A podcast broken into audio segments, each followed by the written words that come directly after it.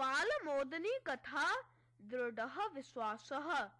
लेखिका जयलक्ष्मीः।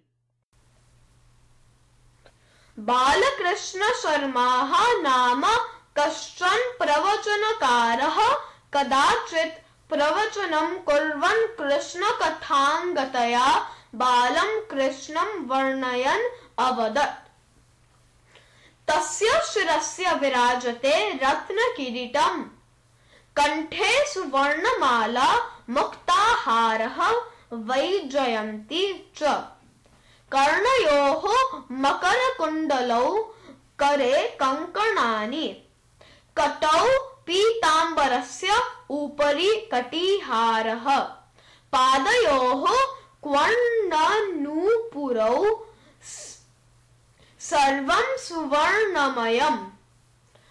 वज्रखचितं च। इति। कश्चन चोरः दूरे स्थित्वा एतत् प्रवचनं शृण्वन् आसीत्। बालकृष्णस्य वर्णनं श्रुत्वा सः अचिन्तयत्। एतस्य बालस्य गृहं कुत्र इति मया ज्ञातव्यम्। एषः प्रवचनकारः ततः जानीयात् एव। तत्र चौर्यं कृतं चेत्। मया प्रभूतम् ऐश्वर्यं प्राप्येत इति। प्रवचनसमाप्तेः अनन्तरं जनाः सर्वे ततः गताः। अनन्तरं चोरः शर्मसमीपं गत्वा अवदत्। भवता कस्यचित् बालस्य वर्णनं कृतं खलु।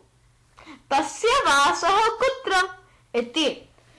तम् अभिज्ञाय तस्य हस्ते स्थितायाः छुर्रिकातः भीतः शर्मः कम्पभानेन स्वरेण अरण्ये वटवृक्षस्य अधः निवसति सः इति अवदत्। चोरः अरण्यन् गतवान्। तत्र वटवृक्षः तु तेन दृष्टः।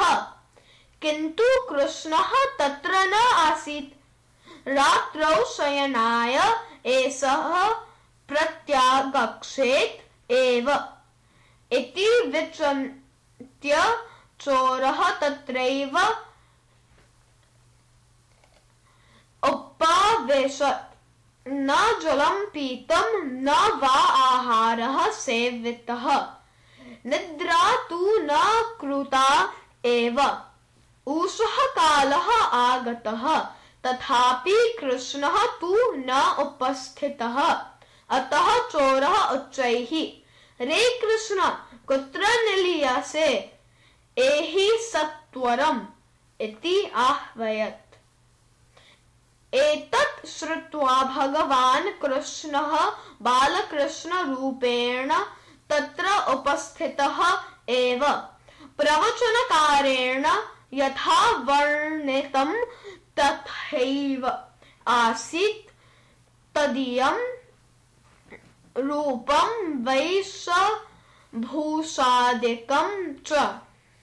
भवान् मा किमर्थम् आहूतवान्? कृष्णः अपृच्छत्। तव आभूषणानाम् अपहरणाय अहम् अत्र आगतः इति अवदत् चोरः। यत् इच्छति तत् नयतु नाम भवान् इति अवदत् कृष्णः। चोरः सर्वाणि आभरणानि ऐच्छत् कृष्णः सर्वाणि अपि चोराय दत्तवान्। कृतज्ञतां सूचयतां शर्मसमीपम् आगतः चोरः सर्वं निवेद्य शर्मणे कण्ठहारादिनिः कानिचन आभरणानि अर्पितवान् एतत् दृष्ट्वा शर्मवर्यः मया कृष्णं काल्पनिकं मत्वा वर्णनं कृतम्। एषः चोरः तु भगवती दृढतया विश्वस्य तस्य दर्शनम् अपि प्राप्तवान्। एषः एव भाग्यशाली इति। विचिन्त्य चोरं साष्टाङ्गं नमस्कृतवान्। चोरः किं कर्तव्यतां विमूढः जातः।